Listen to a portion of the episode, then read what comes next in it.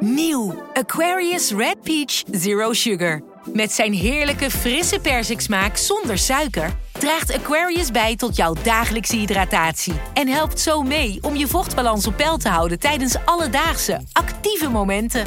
Thuis, op het werk of onderweg. Ook verkrijgbaar in smaken lemon en orange. Probeer hem nu. Vanaf de redactie van NRC het verhaal van vandaag. Mijn naam is Thomas Ruip.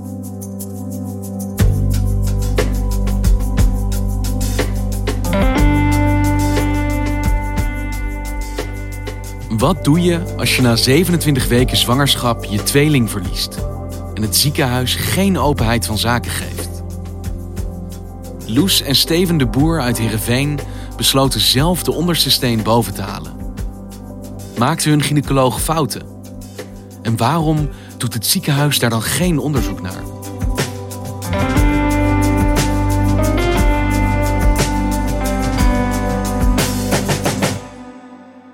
Ik werd gebeld door een advocaat.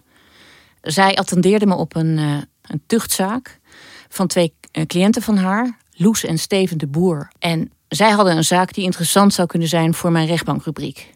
Wubby Luijendijk is plaatsvervangend chef van de binnenlandredactie van NRC. Ze wonen in Heerenveen. Hij is uh, voorkeftruckchauffeur, zij werkt in een melkfabriek. Ze hadden uh, twee meisjes en ze waren opeens zwanger uh, van een tweeling. Dat was in de zomer 2017. Nou, dan heb je na twintig weken heb je een 20 weken echo. Die hebben ze in Leeuwarden laten maken. En daarop bleek opeens, zei de echoscopist, dat ze iets zag wat niet helemaal goed voelde. Namelijk veel vruchtwater. En dat is in dit geval, het was een een-eigen tweeling, kon dat duiden op een, een tweelingtransfusiesyndroom. Dus toen heeft die echoscopist gezegd: ga maar snel naar het ziekenhuis in Heerenveen. Neem contact op met de gynaecoloog. En daar helpen ze je verder. Dus je gaat van groot nieuws, we krijgen een kind, naar groter nieuws, we krijgen een tweeling, ja. naar toch wel behoorlijke zorgen. Er is misschien iets aan de hand. Ja. En hoe verliep dat? De gynaecoloog was heel uh, geruststellend iedere keer. En die iemand meet het vruchtwater. Die keek uh, op de echo. Het zag er goed uit. Ze hadden veel ruimte. Het valt allemaal wat mee. En die weken daarvoor hebben heb ik me wel heel veel zorgen over gemaakt. Maar toen... Uh, ze groeide goed en het leek allemaal goed. En toen op 12 december zijn ze weer bij de gynaecoloog. En de gynaecoloog zegt, nou, het gaat goed. Alles loopt helemaal volgens schema. Ja. Ze waren zelfs groter dan... Uh... We waren groter dan gemiddeld voor die termijn. Dus uh, de volgende echo plannen we over drie weken. Dat kon al drie weken tussen. Nou ja, en toen eh, met ook natuurlijk het oog op uh, wat er daarvoor is gebeurd. in Leeuwarden heeft mijn moeder nog een paar keer aan haar gevraagd van weet je zeker dat dat kan... Moet dat niet sneller? Nee, dat kon allemaal. En het was dat allemaal goed. En dat bleek dus achteraf een grote fout.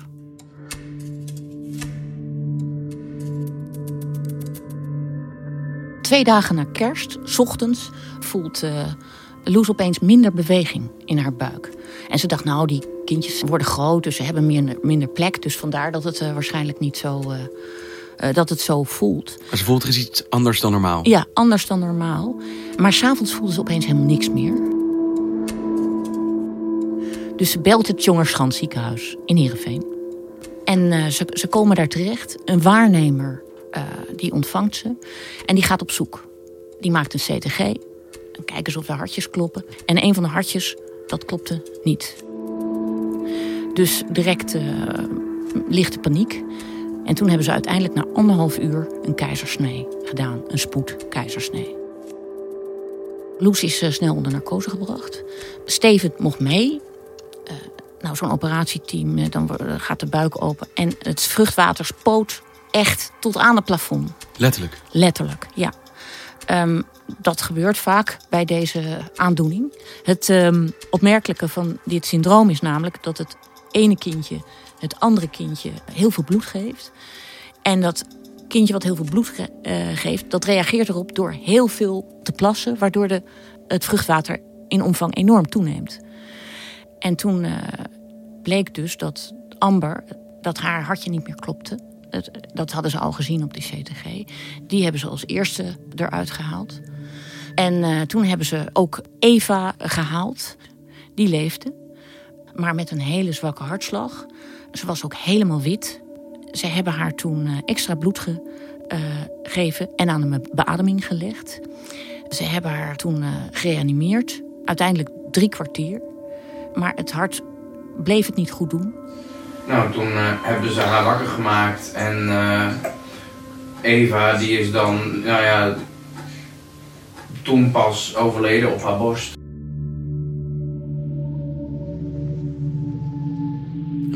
Van beiden, maar beide meisjes van de tweeling waren overleden. Ja. ja.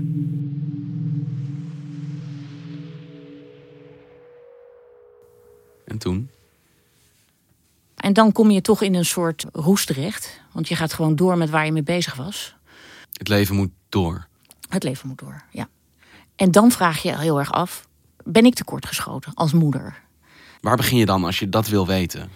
De waarnemend gynaecoloog die de spoedkeizersnee heeft gedaan, die heeft toen uh, een uh, gesprek gehad met beide ouders.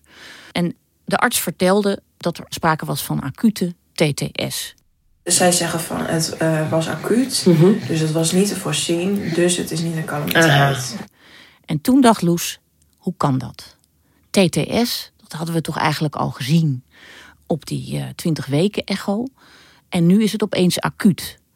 Dus toen heeft ze gezegd, dat vind ik raar. Ik, ik snap het niet. En toen vertelde de gynaecoloog, nou in de protocollen van de gynaecologen staat uh, dat we dit niet hoeven te melden aan de inspectie of aan het ziekenhuis. Dit is een calamiteit en dat kan uiteindelijk gebeuren. Toen kwamen we thuis en toen dacht ik, wat zijn dan de richtlijnen ja. en de protocollen met zo'n zwangerschap? En toen begon ik dat op te zoeken en dan zie je van nou, ja, er is gewoon een richtlijn die zegt van elke twee weken een controle. Daar kwam ze achter. En daar schrok ze ontzettend van.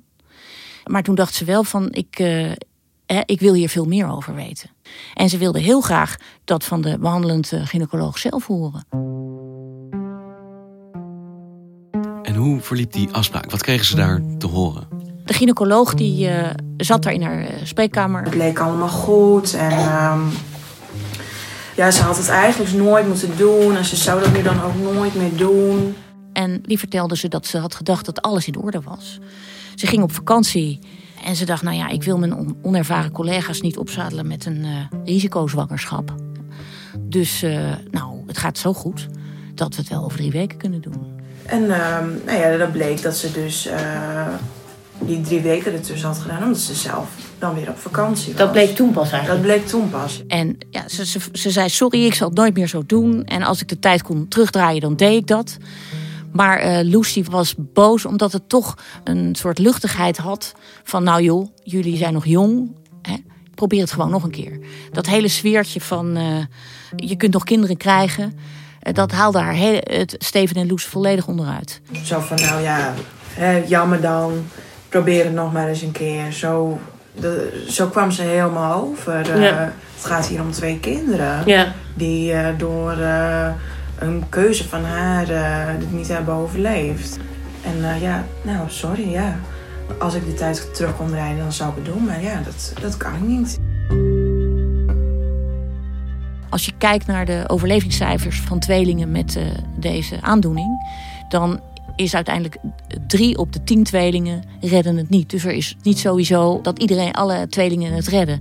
Maar in dit geval dachten ze, hè, we hadden recht op een controle na twee weken. En die hebben we niet gehad. Dus de grote vraag die ze hebben is: uh, is dit een onvertuidelijk tragisch ongeval geweest of zijn hier fouten gemaakt? Had dit anders moeten lopen?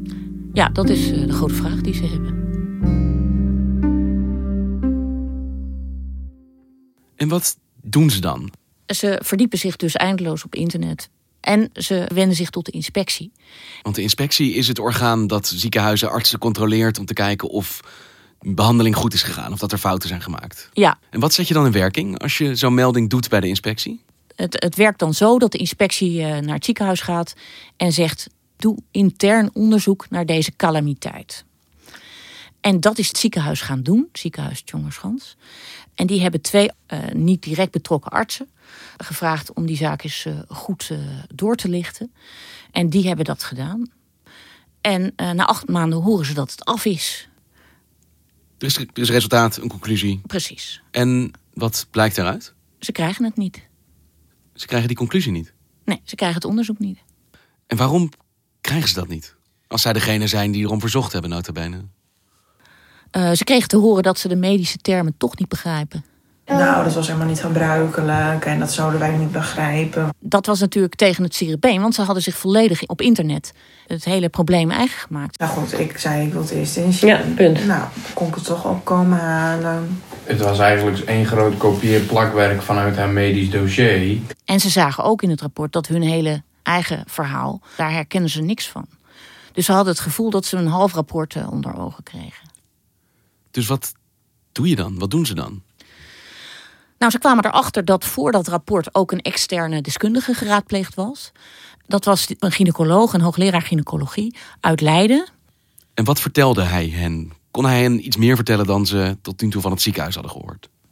Ja, hij vertelde hen dat er uh, niet zozeer sprake zou zijn van een uh, acuut tweelingtransfusiesyndroom, maar van een combinatie chronisch acuut tweelingtransfusiesyndroom. En wat betekent dat? Dat er iets over het hoofd was gezien. Want dit had eh, waarschijnlijk ontdekt kunnen worden op die tweewekelijkse controle, de dag na kerst. Als de hoeveelheid vruchtwater eh, in kaart was gebracht. En wat doen ze met die informatie die ze eigenlijk zelf op eigen houtje in Leiden hebben verzameld? Zij uh, hebben zoiets van, nou, bij het ziekenhuis komen we helemaal niet verder. Uh, we stuiten op een, een muur van zwijgen. Uh, volgens ons is dit een ernstige medische fout. We wennen ons tot een tuchtcollege. Dus ze beginnen een zaak? Ze beginnen een zaak, ja. Het medisch tuchtcollege? Ja. Wat, wat is dat precies? Ja, een medisch tuchtcollege is een combinatie van juristen en gynaecologen, in dit geval artsen, die kijken of iemand een fout heeft gemaakt of niet. En zij spannen de zaak aan tegen hun gynaecoloog? Dat doen ze. En de gynaecoloog uh, die ontvangt op de polykliniek een envelop van het tuchtcollege. En maakt daar een foto van. En plaatst die foto op Twitter.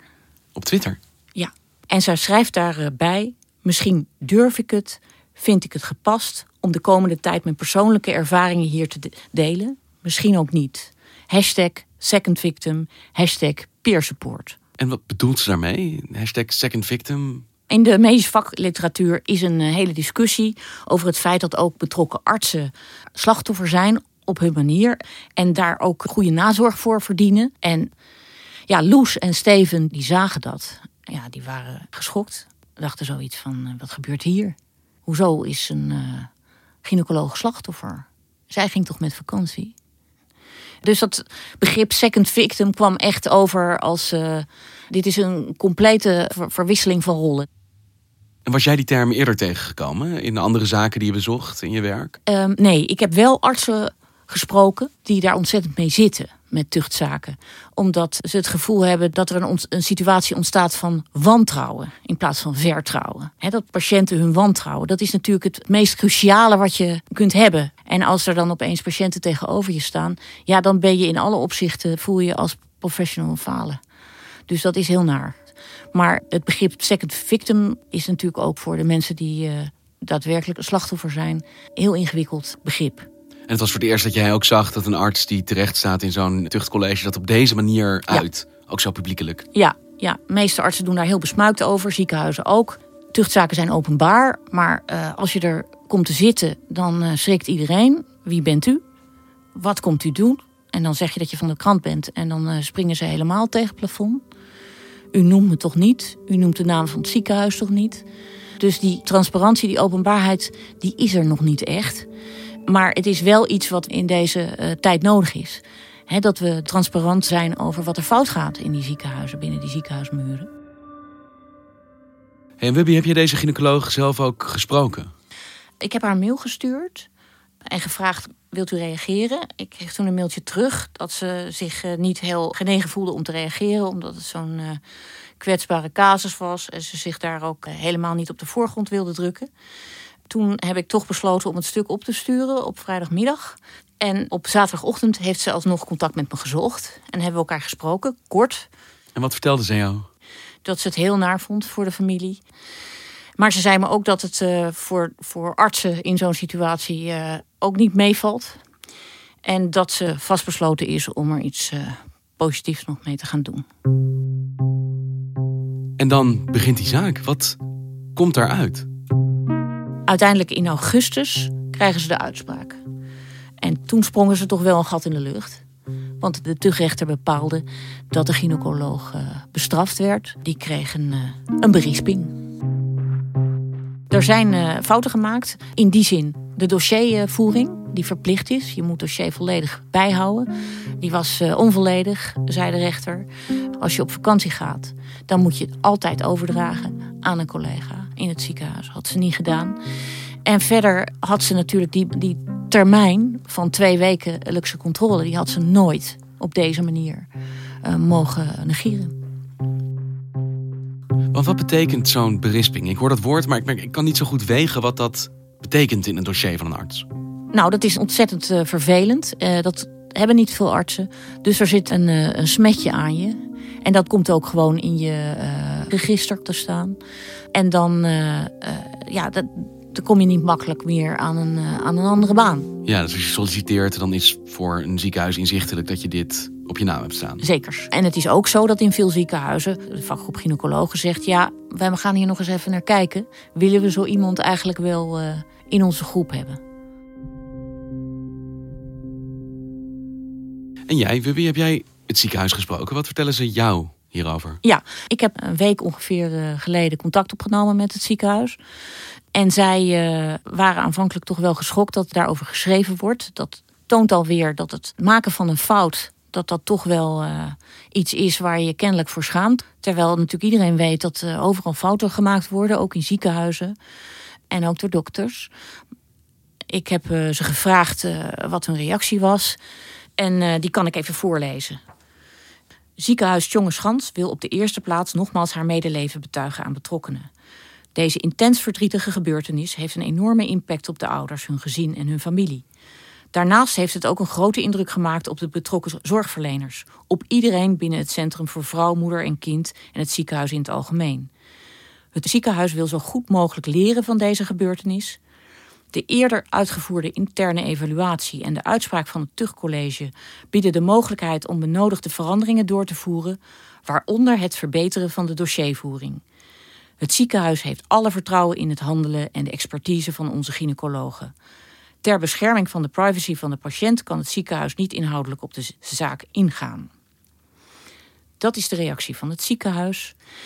Verder hebben de gynaecologen gezegd dat ze nooit meer langer dan twee weken tussen zo'n controle laten zitten. Dat ze zich volledig eh, zullen voegen aan de richtlijnen van de Vereniging van Gynaecologen. En ze hebben de, uh, wat dat betreft uh, met elkaar afgesproken dat ze daar nog veel strenger op zullen controleren. Dus ze zeggen wel, we gaan hier iets mee doen. We gaan dit verbeteren. Zeker. We gaan dit verbeteren en ze wijzen op die incomplete dossiervoering. Hè. Ik weet alleen niet of dat al in orde is. Dus ik heb daar meermalen over gebeld. Ik heb gevraagd, zijn die dossiers inmiddels op orde? En dat kunnen ze dan niet zeggen. En dan weet je dus nog niet of die overdracht van patiënteninformatie wel voldoende geborgd is. En de veiligheid uh, van die uh, geboortezorg. Of het daaral verbeterd is? Ja, dat weet ik niet. En Loes en Steven de Boer, waarom hebben ze nou uiteindelijk hun verhaal aan jou gedaan? Wat hopen ze dat daarvan komt? Nou, ze hopen eigenlijk dat die uh, zwangerschapszorg weer helemaal up-to-date en professioneel is. En dat is onvoldoende duidelijk. En daarom hebben ze met hun advocaat vorige week een, een, brief gestuurd naar de inspectie. Waarin ze aandringen op een onderzoek naar die specialistische geboortezorg in het Jongenschans. Ben jij nog terug geweest naar hen na die uitspraak? Jazeker. Ik heb ze gezien een maand geleden voor het laatst gezien. En ze hebben natuurlijk ook al twee meisjes. En zij hebben een, een zoontje gekregen. Finn. En Finn is hun zonnetje in huis, zei Steven. En die tweeling, de overleden tweeling, speelt dat dan nog een rol in dat gezinsleven? Zeker. Vond ik eigenlijk heel indrukwekkend toen ik binnenkwam. Uh, er hangt een grote foto uh, in de huiskamer. Waarbij je dan uh, twee handjes ziet naast elkaar. Eén heel donker, één heel wit. En dat zijn Amber en Eva. Dankjewel, Bubby. Graag gedaan.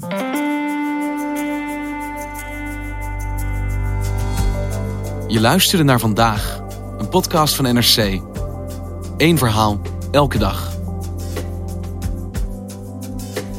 Dit was vandaag, morgen weer.